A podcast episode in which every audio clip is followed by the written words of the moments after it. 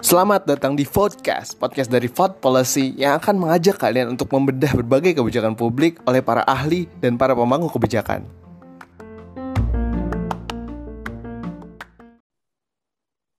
Halo Sobat Podcast, kembali lagi dengan Podcast episode Perlindungan Data di Indonesia. Kalau kata pepatah, tak kenal maka tak sayang. Izinkan kami memperkenalkan diri terlebih dahulu. Perkenalkan nama aku Priscilla dari Ilmu Ekonomi Undip dan partner aku. Halo, aku Marzuki, aku dari Fakultas Hukum UNS Solo. Oke, dan di sini uh, kita tidak berdua doang nih. Kita terdapat narasumber yang keren, yaitu Kak Raditya Kosasi selaku Chairman di Asosiasi Praktisi Perlindungan Data Indonesia. Halo Kak. Halo Priscilla, Zuki, apa kabar? Baik. Halo, baik Kak kabarnya. Oke, nah di sini um, kita pengen ngobrol-ngobrol nih kak tentang uh, bagaimana sih perlindungan data di Indonesia itu, karena kan sempat marak tuh uh, isu-isu tentang bocornya data dan sebagainya. Nah di Indonesia sendiri ya. kan uh, udah masuk era digital nih, tapi sebelum ya. kita masuk ke sana, uh, boleh nggak sih kak kita nanya dulu nih uh, kan Kak Kak Kosasi ini sebagai chairman di APPDI, di Asosiasi Praktisi ya. Perlindungan Data Indonesia. Kira-kira apa ya. sih Kak fokus utama dari APPDI itu sendiri? Oke, uh, terima kasih Priscilla. Ya, jadi APPDI ini adalah asosiasi yang dibentuk oleh uh, beberapa rekan-rekan yang memiliki concern atau memiliki uh, uh, apa eh, ke, keprihatinan lah di isu yang eh, terakhir-terakhir ini sering berkembang dan tapi memang juga mungkin belum terlalu banyak uh, orang yang menyoroti isu ini yaitu isu pelindungan data pribadi. Gitu. Jadi kam, uh, kami ini memang orang-orang yang uh, ada yang bergerak uh, di bidang uh, pelindungan data di firma hukum yang bekerja di firma hukum, ada juga yang bekerja di perusahaan. Tapi dalam kegiatan sehari-hari kami biasanya terlibat dengan eh, isu-isu seputar perlindungan data pribadi. Lalu kami melihat juga banyak isu-isu yang berkembang belakangan ini terkait dengan perlindungan data pribadi, tapi secara peraturan kita masih uh, belum memiliki peraturan yang komprehensif, gitu. dan juga uh, awareness di kalangan publik itu juga uh, masih uh, belum terlalu bagus ya terkait dengan isu perlindungan data. Oleh karena itu, kami uh, membuat sebuah asosiasi bernama Asosiasi Praktisi Pelindungan Data uh, Data Indonesia yang uh, fokusnya adalah sebagai wadah komunikasi untuk para praktisi-praktisi yang memiliki fokus di bidang uh, pelindungan data. Di sini saya sebutnya mungkin fokusnya pelindungan data tidak spesifik ke pelindungan data pribadi karena sebetulnya uh, data yang dilindungi itu uh, yang utama memang data pribadi, tapi data yang non pribadi pun juga banyak yang uh, perlu mendapatkan perlindungan seperti data-data yang sifatnya rahasia, gitu ya. Jadi itu kenapa uh, kami uh, fokusnya di bidang pelindungan data, tapi mungkin tidak terlalu spesifik di uh, pelindungan data pribadi. Gitu.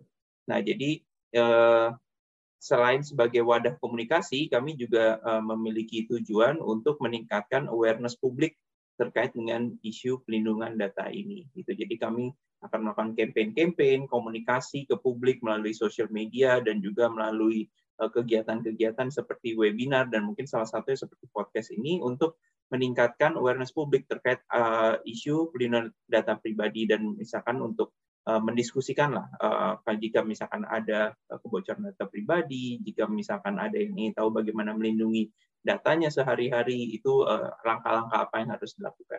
Jadi itu yang menjadi fokus kami sekarang. Oke, thank you Kak Kosasi. Nah di sini tadi udah sempat disinggung nih Kak tentang uh, dari APPD ini pengen meningkatkan uh, awareness terhadap uh, perlindungan data pribadi gitu ya. Nah, kalau misalnya kita bisa berkaca dengan in, uh, kondisi Indonesia sekarang, Indonesia ini kan uh, lagi ada di era digital, semua kegiatan serba digital, apalagi uh, ketika pandemik gitu kan. kalau berdasarkan data di sini sekitar 171,17 juta jiwa dari total populasi penduduk Indonesia yang udah pakai. Tapi kekurangannya kesiapan dari Indonesia sendiri masih minim nih. Sistemnya masih kurang oke okay untuk uh, menjaga data-data pribadi dari uh, setiap penggunanya. Nah, gimana sih Kak cara dari uh, APPDI ini ataupun menurut Kak Kosasi sendiri untuk meningkatkan kesadaran masyarakat terhadap pentingnya menjaga data privasi. Iya, jadi uh, cara kami meningkatkan awareness itu dengan melakukan campaign-campaign uh, terhadap uh, golongan tertentu, yaitu ada ada dua golongan sebetulnya menjadi target kami. Pertama uh, ke golongan individu, setiap individu orang-orang yang uh, memberikan data pribadinya, dan juga ke uh, golongan misalkan perusahaan, pelaku usaha atau komunitas yang mengumpulkan data pribadi itu sendiri gitu. Karena dua kelompok itu memiliki peran yang penting gitu, baik yang memberikan datanya maupun yang mengumpulkan dan mengolah data tersebut. Nah, bagi pihak yang memberikan datanya seperti kita, misalkan kita mendaftarkan diri ke suatu platform, itu penting untuk kita sebagai masyarakat Indonesia uh, untuk tahu sebetulnya uh, kapan kita bisa memberikan data kita kepada uh, misalkan platform atau suatu perusahaan atau suatu produk atau ke website gitu ya. Dan data-data uh, apa yang bisa kita berikan apa yang tidak kita berikan. Karena seperti ini misalkan kita sudah memberikan nomor telepon kita itu kan artinya data itu sudah uh, lepas dari kontrol kita. Walaupun mungkin secara peraturan nanti bisa dibentuk uh, bisa diberikan ya kontrol-kontrol apa yang bisa dimiliki oleh data subjek itu sendiri. Tapi data itu sudah mengalir ke tempat lain. Jadi sebetulnya sudah ada beberapa kontrol yang kita lepas gitu. Jadi kita sebelum memberikan data itu pun kita harus berhati-hati dan kita harus pastikan orang yang menerima data itu memang pihak-pihak yang kredibel dan pihak-pihak yang uh, memiliki standar perlindungan data pribadi yang baik gitu. Nah, jadi kami melakukan campaign terhadap uh, publik eh, orang-orang yang memberikan data pribadinya untuk memastikan mereka itu selalu berhati-hati dalam memberikan data pribadinya dan juga tidak melakukan uh, pembagian data secara berlebih atau overshare. Karena ini sebetulnya bukan hanya masyarakat Indonesia, tapi karakter kita mungkin orang di Asia ya bisa dibilang ya, yang mungkin karakternya agak sedikit berbeda mungkin dengan orang di Eropa gitu. Kita itu uh, cenderung untuk overshare. Kita membagikan semuanya ke sosial media gitu. Contohnya kayak misalkan uh, ada suatu sosial media yang kita bisa story gitu ya, kita bisa memberikan ke membagikan keseharian kita sehari-hari gitu kan. Tapi mungkin kadang secara tidak sengaja kita melakukan uh, merekam suatu video uh, di depan mobil kita, lalu di mobil itu ada nomor plat mobilnya gitu kan. Itu secara tidak sengaja kita memberikan uh, memberikan data pribadi kita juga gitu. Jadi itu kita harus melakukan campaign ke ke publik supaya mereka tidak uh, mengubah kebiasaannya juga ya supaya tidak cenderung untuk overshare gitu. Nah, lalu ke pihak-pihak yang melakukan pengumpulan data itu sendiri, mereka juga harus tahu bagaimana cara uh, mengolah data itu dan melindungi data yang mereka kumpuli, uh, mereka mereka kumpulkan gitu ya. Jadi jangan sampai mereka mengumpulkan data pribadi orang lalu tidak diberikan perlindungan sehingga itu bocor ke publik. Gitu. Jadi itu cara kami meningkatkan awareness publik terhadap isu perlindungan data. Oke, menarik banget nih, uh, Kak. Nah, di sini kan berarti uh, mesti ada keselarasan dari antara dua pihak gitu ya, dari uh, dari sisi uh, penerima data ataupun uh, pemberi data. Nah, kira-kira untuk dari pemerintah sendiri itu apakah ada peran atau kebijakan apa sih yang sebenarnya pemerintah berikan untuk uh, masyarakat Indonesia terkhusus dari dua uh, pelaku tadi gitu, Kak? Iya, jadi eh, sebetulnya sekarang ini sudah ada beberapa pengaturan seputar pelindungan data pribadi. Tapi pengaturan-pengaturan itu tersebar di beberapa peraturan-peraturan sektoral. Gitu. Jadi kalau tidak salah ada sekitar 30 eh, peraturan perundang-undangan yang eh, mengatur mengenai isu perlindungan data pribadi ini. Tapi yang kita belum punya itu adalah suatu pengaturan yang komprehensif, misalkan dalam bentuk undang-undang gitu ya, yang mengatur tentang pelindungan data pribadi secara general. Gitu. Eh, Permen Kominfo sendiri ada yang mengatur terkait eh, pelindungan data pribadi, tapi itu difokuskan ke data pribadi dalam sistem elektronik. Tapi kan data pribadi itu bisa tersebar di mana pun, bukan hanya di sistem elektronik, tapi dalam bentuk fisik juga. Oleh karena itu kita butuh pengaturan yang lebih komprehensif supaya perlindungannya pun bisa lebih menyeluruh. Gitu. Nah itu yang diharapkan dari uh, pemerintah untuk mengeluarkan kebijakan yang uh, komprehensif terkait dengan pelindungan data pribadi. Saat ini sudah ada RU yang sedang dibahas. Mungkin teman-teman juga sudah mendengar di berita-berita ada RU pelindungan data pribadi yang sedang dibahas di DPR. Gitu. Nah ini yang kami harapkan pengaturan ini bisa segera digolkan, itu supaya ada kepastian hukum eh, terkait dengan isu pelindungan data pribadi ini. Karena kita harus mengejar ketinggalan dengan negara-negara tetangga. Singapura tahun 2012 sudah mengeluarkan eh, Personal Data Protection Act atau PDPA. Jadi mereka sudah memiliki peraturan sejak tahun 2012 dan akhir tahun lalu atau awal tahun ini saya agak lupa itu eh, mereka sudah melakukan amandemen gitu. Nah, Thailand sudah memiliki uh, peraturan itu juga. Filipina sudah memiliki peraturan itu. Nah, itu, jadi eh, negara-negara lain di kawasan Asia Tenggara ini juga sudah banyak memiliki peraturan terkait dengan pelindungan data. Uh, jadi kita juga harus mengejar ketertinggalan itu. Kenapa? Karena data pribadi itu biasanya tidak hanya ada di satu tempat atau satu negara, tapi kadang kita juga uh, data pribadi itu di-share ke uh, negara lain. Makanya ada yang namanya cross border Eh, data transfer gitu karena data flow itu sudah susah untuk di hanya dilakukan di satu negara tapi kadang ada yang serversnya di luar gitu ada yang misalkan platformnya uh, basisnya di luar negeri gitu jadi ada cross border data transfer nah oleh karena itu kita penting untuk mengejar ketertinggalan dan juga memiliki pengaturan yang komprehensif supaya juga bisa meningkatkan uh, kepercayaan dari publik uh, dari kalangan internasional terhadap Eh, pelindungan data pribadi di Indonesia gitu. Nah, ini juga di Eropa mereka dulu tahun sekitar tahun 95 atau 96 mereka punya direktif yang membicarakan mengenai data uh, pribadi ini tapi sekarang mereka baru mengeluarkan peraturan yang sekarang jadi golden standard GDPR General Data Protection Regulation. Nah, ini bentuknya sekarang sudah regulation, sudah bukan optional lagi untuk eh, negara-negara di Uni Eropa untuk mengikuti ini adalah suatu kewajiban. Jadi ini suatu suatu isu yang penting gitu ya karena kalau tidak kalau kita tidak memiliki uh, hukum yang komprehensif dan pengaturan yang di, memadai di uh, bidang pelindungan data pribadi ini nanti bisa-bisa kita tidak bisa melakukan uh, data sharing atau data flow dengan negara lain gitu.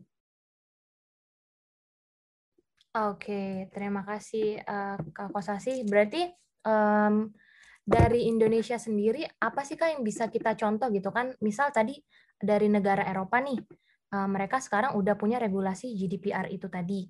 Apakah Indonesia uh, bisa uh, mengejar ataupun meniru kebijakan tersebut sehingga membantu apa ya memaksimalkan dan apa ya mencapai regulasi yang komprehensif tadi yang diharapkan itu gimana kak?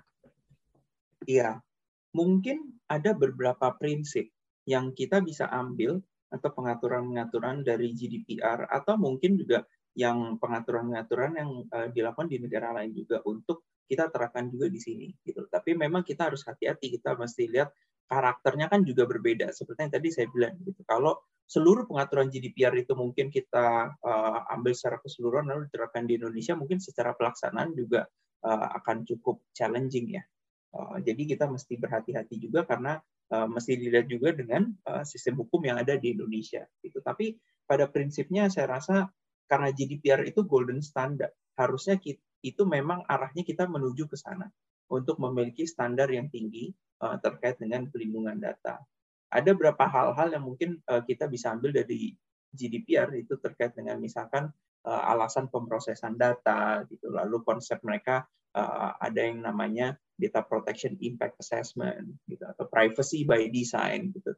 Itu konsep-konsep yang uh, mereka masukkan di peraturan mereka yang itu, menurut saya itu konsep yang cukup baik karena itu bukan hanya bisa melindungi tapi juga bisa mencegah uh, terjadinya uh, kebocoran data gitu. Jadi fokusnya bukan hanya di misalkan penindakan ya uh, walaupun GDPR itu terkenal dengan penindakannya karena kalau ada kebocoran bisa terkena denda sampai dengan empat persen global turnover kalau nggak salah itu tapi mereka juga fokus di pencegahannya gitu jadi apa yang harus dilakukan oleh pihak-pihak yang melakukan pengumpulan data supaya bisa meminimalisir terjadinya kebocoran data.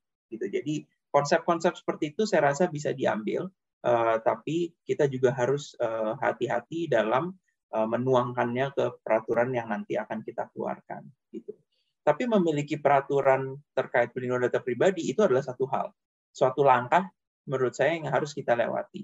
Selain itu, setelah setelah itu PR kita tuh sebetulnya masih banyak gitu karena setelah memiliki peraturan, pertanyaan selanjutnya adalah bagaimana kita bisa melaksanakan peraturan ini gitu karena terbitnya suatu undang-undang mungkin itu tidak akan langsung menyelesaikan semua masalah terbitnya undang-undang itu pasti akan memberikan suatu landasan atau mungkin menerapkan prinsip-prinsip pelindungan apa yang uh, harus kita punya di sini tapi ke depannya karena teknologi juga berkembang begitu cepat perlu ada panduan-panduan yang lebih spesifik untuk bagaimana bisa melaksanakan pelindungan data pribadi itu yang diatur dalam eh, undang-undang itu nanti. Jadi dengan hanya menerbitkan undang-undang itu merupakan suatu langkah yang bagus, tapi kita juga nanti harus menindaklanjuti dengan peraturan-peraturan yang lebih spesifik. Karena itu yang dilakukan oleh uh, Eropa juga gitu. Setelah mereka memiliki GDPR, uh, lalu ada juga peraturan-peraturannya yang uh, akhirnya itu jadi uh, penjelasan dari GDPR itu sendiri gitu. Kalau di sana ada namanya Working Party 29 itu yang membuat seperti kayak naskah akademik atau penjelasan dari GDPR bagaimana cara melaksanakan itu. Di Singapura pun uh, mereka punya uh, suatu otoritasnya itu disebut dengan PDPC, Personal Data Protection Commission gitu. Nah, PDPC ini mengeluarkan peraturan-peraturan guidelines yang lebih spesifik daripada PDPA-nya itu sendiri, daripada undang-undang itu sendiri. Nah, ini yang akan cukup berguna bagi kalangan uh, pelaku usaha atau pihak-pihak yang melakukan pengumpulan data mengenai bagaimana sih cara kita uh, melakukan menerapkan prinsip-prinsip pelindungan data itu. Karena ini sifat panduan ini nanti sifatnya akan lebih praktikal dan akan lebih mudah untuk diikuti. Jadi itu bukan hanya peraturan dari GDPR-nya sendiri kita uh, adopt di undang-undang kita, tapi yang lebih penting bagaimana kita melaksanakan peraturan ini ke depannya dan juga mengeluarkan peraturan-peraturan turunan yang bisa menjadi practical guidelines bagi kalangan pelaku usaha. Oke. Wow, menarik banget nih. Berarti PR Indonesia masih banyak nih ya, Kak ya.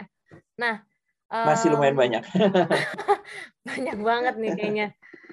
Mana yang kemarin setahu aku yang RUU perlindungan data pribadi itu eh, target itu sebenarnya akhir ini ya Kak, akhir tahun kemarin ya Kak mestinya selesai, tapi sampai sekarang masih dibahas di DPR ya? Ya, sepertinya memang masih ada beberapa pembahasan yang dilakukan oleh DPR dengan pemerintah gitu. Tapi kita harapkan uh, ke depannya ini bisa segera uh, disahkan dan kita bisa segera memikirkan bagaimana uh, pelaksanaannya gitu. Uh, karena juga saya, itu tadi yang saya bilang gitu karena setelah undang-undangnya terbit pasti masih ada masa uh, transisinya. Dalam masa transisi itu kan para pelaku usaha juga perlu menyiapkan diri bagaimana untuk memastikan compliance mereka terhadap peraturan ini dan untuk melakukan compliance itu juga butuh uh, biaya, butuh uh, effort juga dari para pelaku usaha itu. Jadi uh, mereka butuh waktu pasti untuk melakukan untuk memastikan bahwa mereka betul-betul comply dengan peraturan ini. Jadi menurut saya uh, ini sesuatu yang uh, sebaiknya kita kejar ya uh, supaya kita bisa cepat mengejar ketertinggalan dengan yang lain, tapi juga di Indonesia sendiri kita juga bisa fokus terhadap pelaksanaan yang ke depannya seperti apa. Oke, noted Kak. Nah, buat yang berikutnya ini, kalau dari Kak Kosasi sendiri nih, selain RU tadi yang udah dibahas dan beberapa uh, topik tadi, uh, sudah sejauh apa sih Kak pemerintah ini berperan, khususnya di Indonesia, sebagai pembuat kebijakan dalam um, apa ya membuat regulasi uh, peraturan data privasi itu sendiri gitu Kak, selain dari yang tadi sudah uh, dimention ya Kak. Uh, saya rasa pemerintah jadi mungkin Permen Kominfo 20 2016 itu salah satu langkah dari pemerintah untuk mencoba mengisi kekosongan hukum kali ya uh, terkait dengan peraturan uh, terkait dengan pengaturan seputar perlindungan data pribadi gitu. Memang sejauh ini juga uh, beberapa institusi pemerintahan itu juga sudah mengeluarkan beberapa mungkin pedoman uh, atau pengaturan-pengaturan seputar uh, pelindungan data gitu.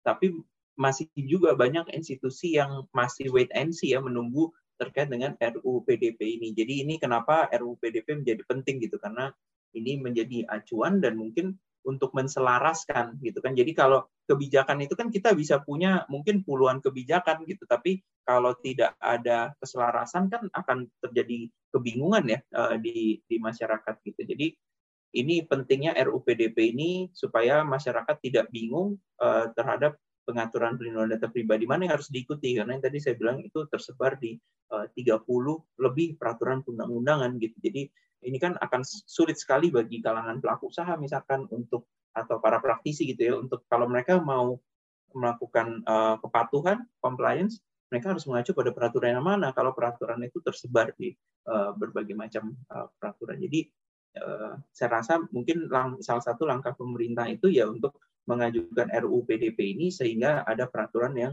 uh, diselaraskan gitu. Saya rasa juga pemerintah juga sudah bersiap-siap juga. Ada uh, bukan lembaga ya, tapi ada bagian-bagian juga di Kominfo yang juga selama mungkin bisa dibilang 3-4 tahun terakhir ini fokus ke isu pelindungan data pribadi, menyiapkan diri mereka juga uh, sehingga nanti sebagai pembuat kebijakan mereka juga betul-betul tahu bagaimana cara mengimplementasikan itu. Jadi mungkin itu langkah-langkah yang sudah dilakukan pemerintah secara organisasi juga sudah mulai berbenah dan fokuskan diri ke isu pelindungan data pribadi uh, tapi juga secara produk hukum juga ini terus didorong supaya uh, segera dikeluarkan produk hukum. Oke, wah, jadi kayak uh, dapat disimpulkan juga berarti dari itu bang kita dapat melihat kayak sejauh persiapan pemerintah selain uh, rancangan undang-undang perlindungan data pribadi sendiri ada Perkominfo dan juga mungkin ada undang-undang ITE juga mungkin ya bang kalau saya pernah uh, baca di beberapa sumber kalau untuk sebagai kalau bisa dibilang acuan yang mungkin nggak secara langsung juga gitu.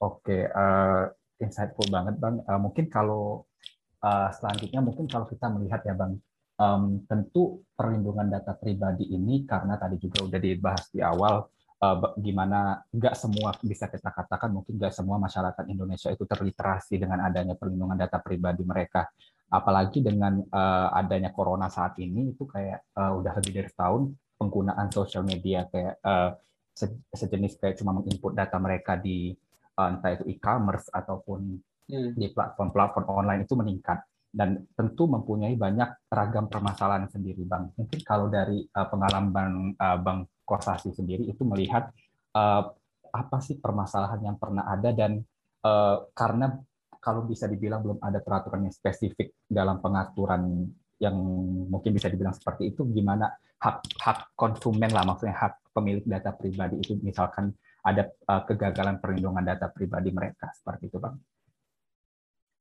Iya, uh, menarik. Tadi memang Zuki sebutkan ya, terutama di masa COVID-19 ini, masa pandemi ini, bagaimana isu seputar perlindungan data pribadi ini berkembang gitu. Uh, selama pandemi ini, coba mungkin teman-teman uh, bayangkan berapa banyak data kesehatan yang dikumpulkan. Orang-orang yang mungkin uh, penyintas COVID, lalu ada tracking, misalkan, oh saya kemarin be, apa, berkomunikasi dengan berinteraksi dengan si A yang ternyata si A terinfeksi uh, COVID gitu kan, itu kan data-data pribadi ya, data pergerakan seseorang dari satu tempat ke tempat lain dengan siapa dia berinteraksi. Bayangkan berapa banyak data yang dikumpulkan. Lalu orang masuk kan banyak misalkan ada berapa sekarang saya lupa angkanya berapa tapi banyak orang yang kena gitu. Yang kena itu kan pasti dia di rumah sakit selama uh, berapa lama atau misalkan datanya dikumpulkan oleh satgas gitu kan dan oleh rumah sakit itu sendiri. Berapa banyak data yang dikumpulkan itu itu peng, uh, datanya itu meningkat pasti banyak sekali gitu ya data-data kesehatan dan itu merupakan data pribadi seseorang. Dan data kesehatan itu uh, bisa dianggap sebagai data sensitif juga gitu kan karena kalau data itu tersebar, bayangkan misalkan ada suatu database yang tersebar ke publik gitu. Ini adalah database orang-orang yang pernah terkena COVID-19 di Indonesia. Itu kan bisa bisa disalahgunakan ya. Nanti bisa digunakan oleh pihak-pihak misalkan menawarkan uh, produk-produk tertentu. Uh, misalkan oh ini data orang yang pernah terkena mereka mau menawarkan produk atau jasanya gitu kan. Karena nanti dianggap orang-orang ini membutuhkan karena dia penyintas COVID gitu kan. Itu kan data-data yang sangat sensitif. Bisa ada yang merasa tidak nyaman dan terganggu privasinya karena orang tahu bahwa dia pernah terkena uh, COVID walaupun terkadang tracking itu dibutuhkan untuk memastikan uh, bisa juga mengetahui apakah orang-orang yang pernah berinteraksi juga uh, terkena dengan itu. Itu kan banyak sekali data yang dikumpulkan. Lalu orang yang bekerja working from home gitu. Working from home itu kan tadinya misalkan kita pakai internet kantor. Internet kantor itu kan mungkin sudah didesain uh, sedemikian rupa sehingga ada proteksi-proteksi tertentu. Tapi ketika COVID-19 ini misalkan banyak yang bekerja dari rumah gitu, membuka email uh, dari rumah gitu kan. Uh, jadi mungkin ketika dia dari rumah menggunakan internet yang dia punya di rumah, proteksinya seperti apa kan? Itu kita tidak tahu dan juga mungkin yang tadinya biasa menyimpan data di kantor mungkin ada external hard disk yang dipakai di kantor. Nah sekarang semuanya disimpan di cloud, gitu kan, supaya bisa di share langsung dengan rekan kerjanya. Jadi untuk orang-orang yang bekerja dari rumah pun banyak uh, yang tadinya mengusahakan dokumen-dokumen itu di print, sekarang mereka mau nggak mau mesti buka versi PDF-nya dari email gitu. Jadi uh, banyak pergerakan-pergerakan data selama masa pandemi ini baik yang working from home maupun data-data yang terkait dengan data-data kesehatan. Gitu. Ini yang menurut saya menjadi semakin penting gitu uh, pengaturan seputar perlindungan data pribadi ini supaya semua yang menggunakan uh, sistem elektronik yang mengumpulkan data pribadi ini jadi harus lebih berhati-hati lagi dan mereka juga harus tahu standarnya uh, standar apa yang harus diterapkan gitu karena peralatan elektronik kantor itu kan sekarang berarti karena kita working from home itu dikerjakan semua dari rumah. Bagaimana proteksinya? Gitu. Hal, -hal seperti itu yang mungkin kalau tidak ada pengaturan yang jelas, tidak ada standar yang jelas, jadi tidak ada kejelasan bagi pelaku usaha bagaimana cara melindungi itu. Itu kan guidance itu yang dibutuhkan.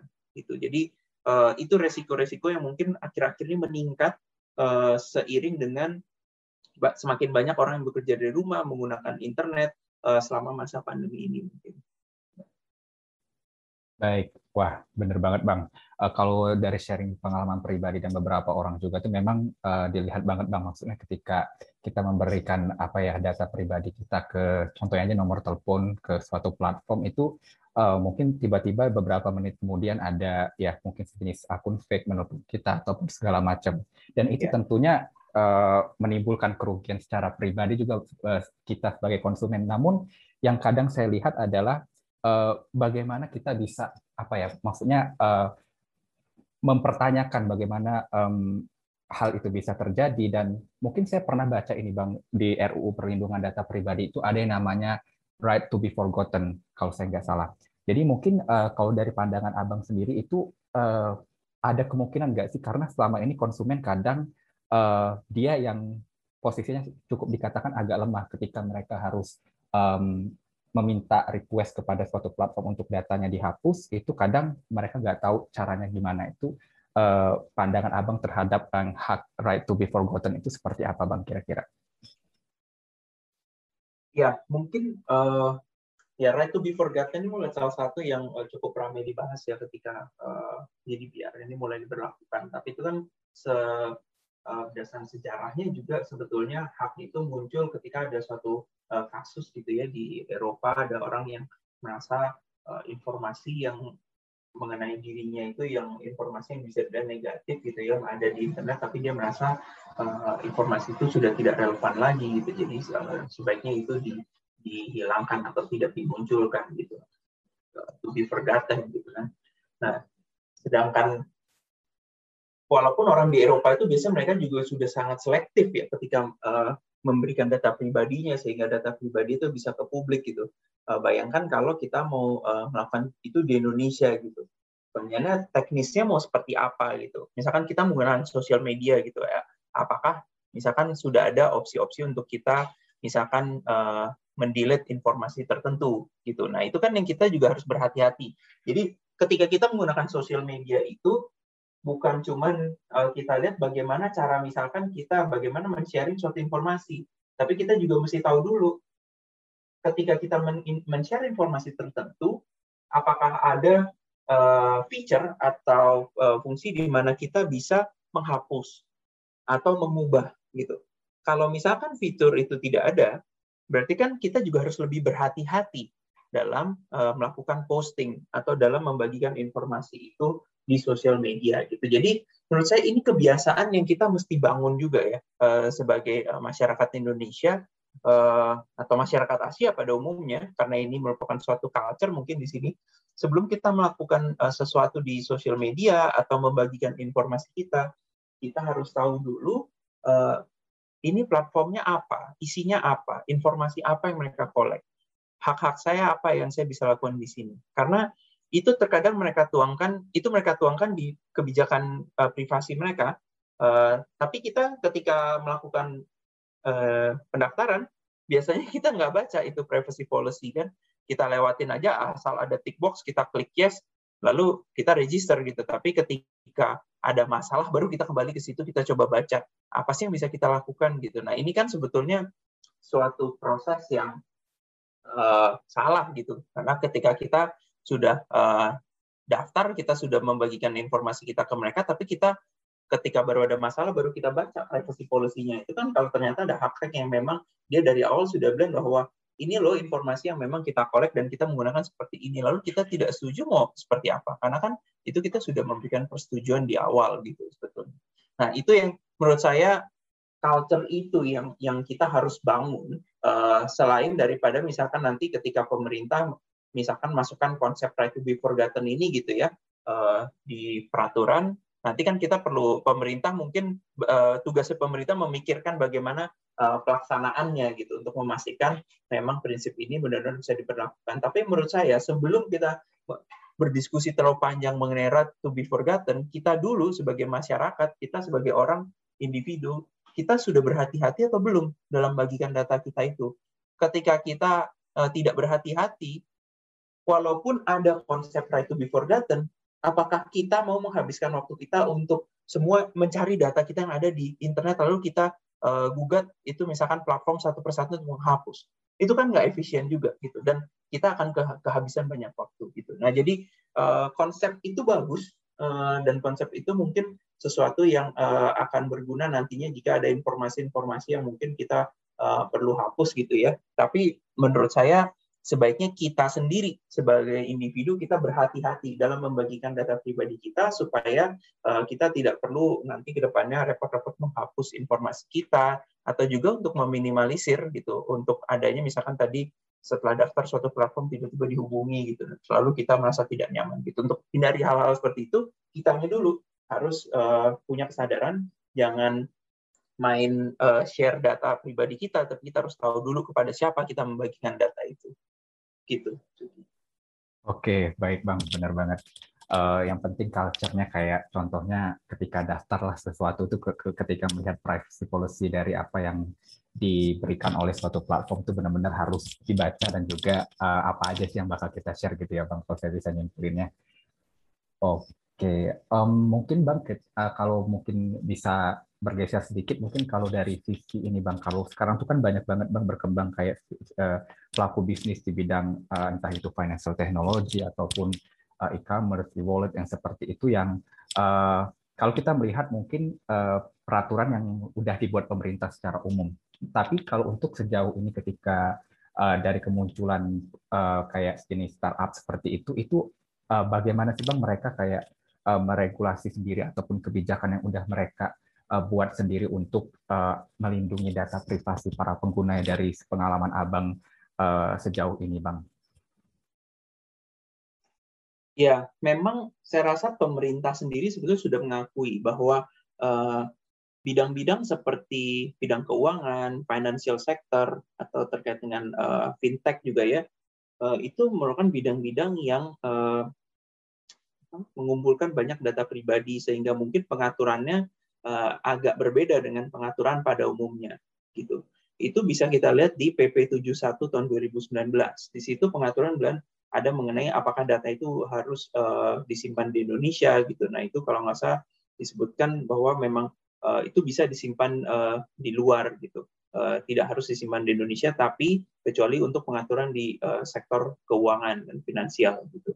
Nah, itu jadi dimungkinkan ada pengaturan yang uh, berbeda karena mungkin data-datanya juga data-data yang lebih sensitif ya terkait dengan data keuangan. Jadi memang harus ada harus lebih berhati-hati dan pengaturannya lebih lebih strict gitu. Dan saya rasa BI dan OJK pun sudah memiliki beberapa pengaturan-pengaturan atau mungkin di masa depan juga mereka sudah menyiapkan beberapa draft peraturan ya yang mengatur seputar perlindungan data ini yang mungkin akan lebih spesifik dibandingkan dengan sektor lainnya. Tapi saya rasa selain itu uh, asosiasi sendiri juga bisa berperan juga gitu. Misalkan terkait dengan fintech, Aftek sendiri apakah bisa mengeluarkan uh, pedoman-pedoman uh, terkait dengan perlindungan data? Menurut saya itu bisa dan kalau nggak salah mereka uh, Aftek sendiri juga sudah uh, mulai memikirkan itu bagaimana ada standar pelindungan data pribadi bagi uh, para uh, anggota Aftek atau uh, para pemain pelaku uh, usaha di bidang uh, fintech ya. Jadi dan itu di RUU PDP yang uh, sedang dibahas juga dimungkinkan. Dibilang bahwa asosiasi-asosiasi untuk uh, sektor-sektor uh, tertentu itu memang dimungkinkan untuk membuat pengaturan yang lebih spesifik terkait dengan isu perlindungan data gitu. Jadi memang berbeda sektor mungkin bisa beda tipe data yang dikumpulkan dan risknya pun beda. Nah, karena itu menurut saya itu setiap sektor juga kalau bisa membuat pengaturan yang lebih spesifik supaya uh, bisa diterjemahkan lebih mudah oleh para uh, pelaku usaha di sektor tersebut.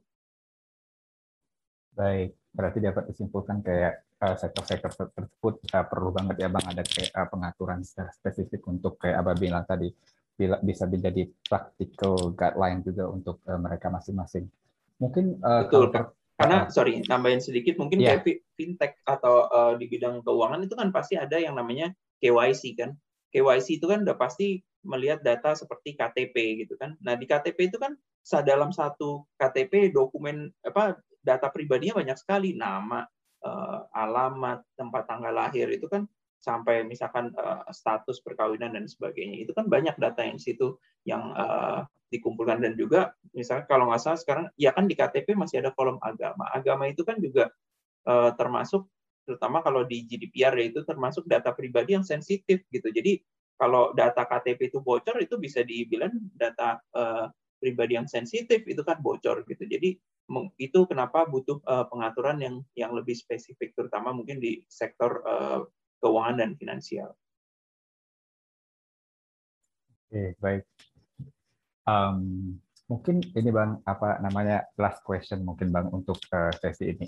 Jadi sebenarnya di awal tadi abang juga udah sempat uh, sedikit menyinggung bagaimana Singapura yang memiliki pengaturannya sendiri uh, Singapore uh, Protection Act di tahun 2012 dan juga GDP, GDPR di uh, di Uni Eropa.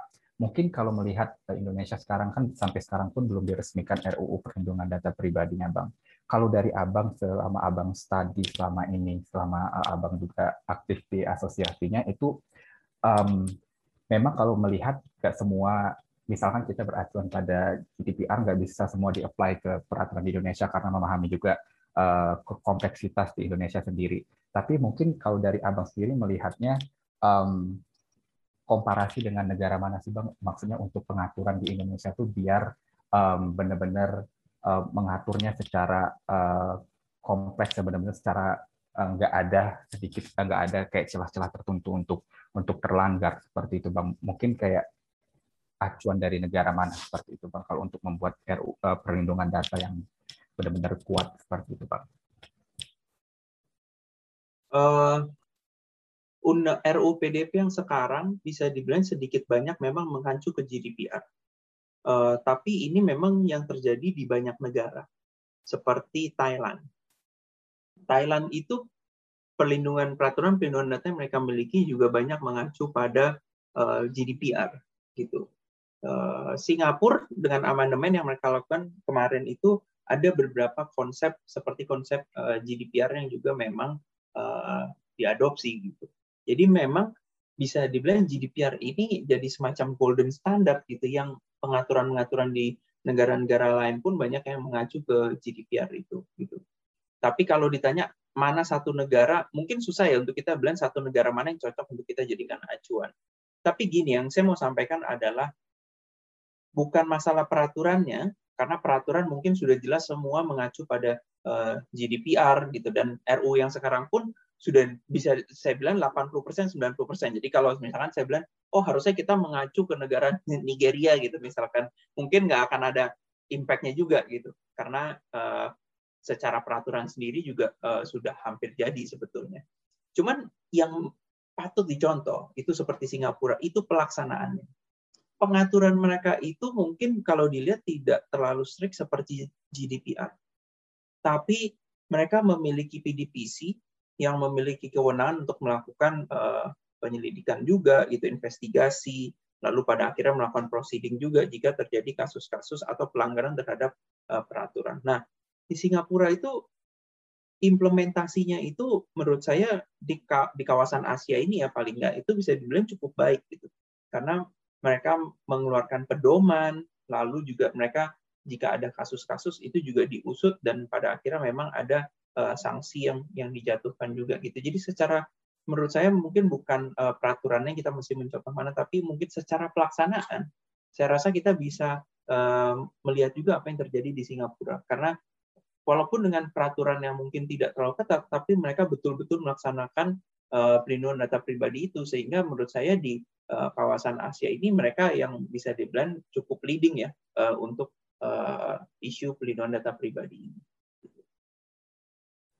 Baik, menggarisbawahi bahwa uh, lebih ditekankan pada uh, tidak hanya peraturannya ya Bang, berarti lebih kepada pelaksanaan dan juga sebenarnya dari masyarakatnya itu sendiri dan juga dari pelaku bisnisnya itu sendiri untuk uh, sedemikian rupa bagaimana uh, perlindungan data itu sendiri dapat uh, terjaga dan terwujud dengan baik. Um, mungkin kalau yang dapat saya simpulkan Bang dari apa yang uh, Abang telah sampaikan kepada kita di podcast kali ini, mungkin kalau dilihat karena perkembangan yang membutuhkan internet dan teknologi yang semakin uh, banyak, mungkin langkah-langkah sederhana yang bisa dilakukan uh, masyarakat mungkin yang mungkin nggak cuma backgroundnya law atau backgroundnya yang ke arah data privacy ataupun uh, yang bahkan sama sekali nggak mengerti adalah ketika menggunakan akan menggunakan data pribadinya itu sebisa mungkin kita memahami dulu apa tujuan dan apa apa resiko yang bakal kita dapatkan ketika kita akan apply ke situ.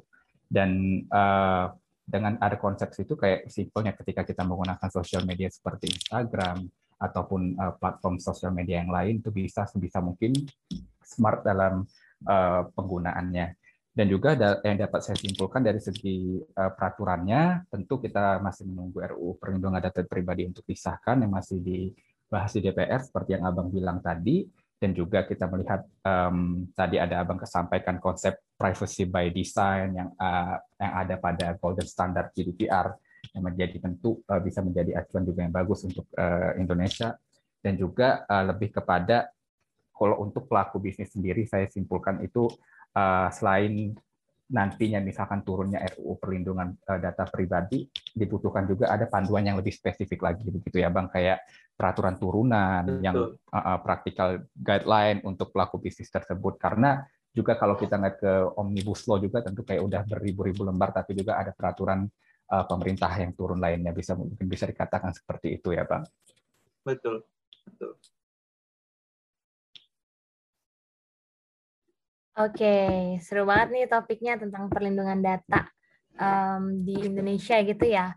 Uh, Oke, okay, sobat podcast, segitu aja dari kami. Saya Priscilla. Saya Marzuki.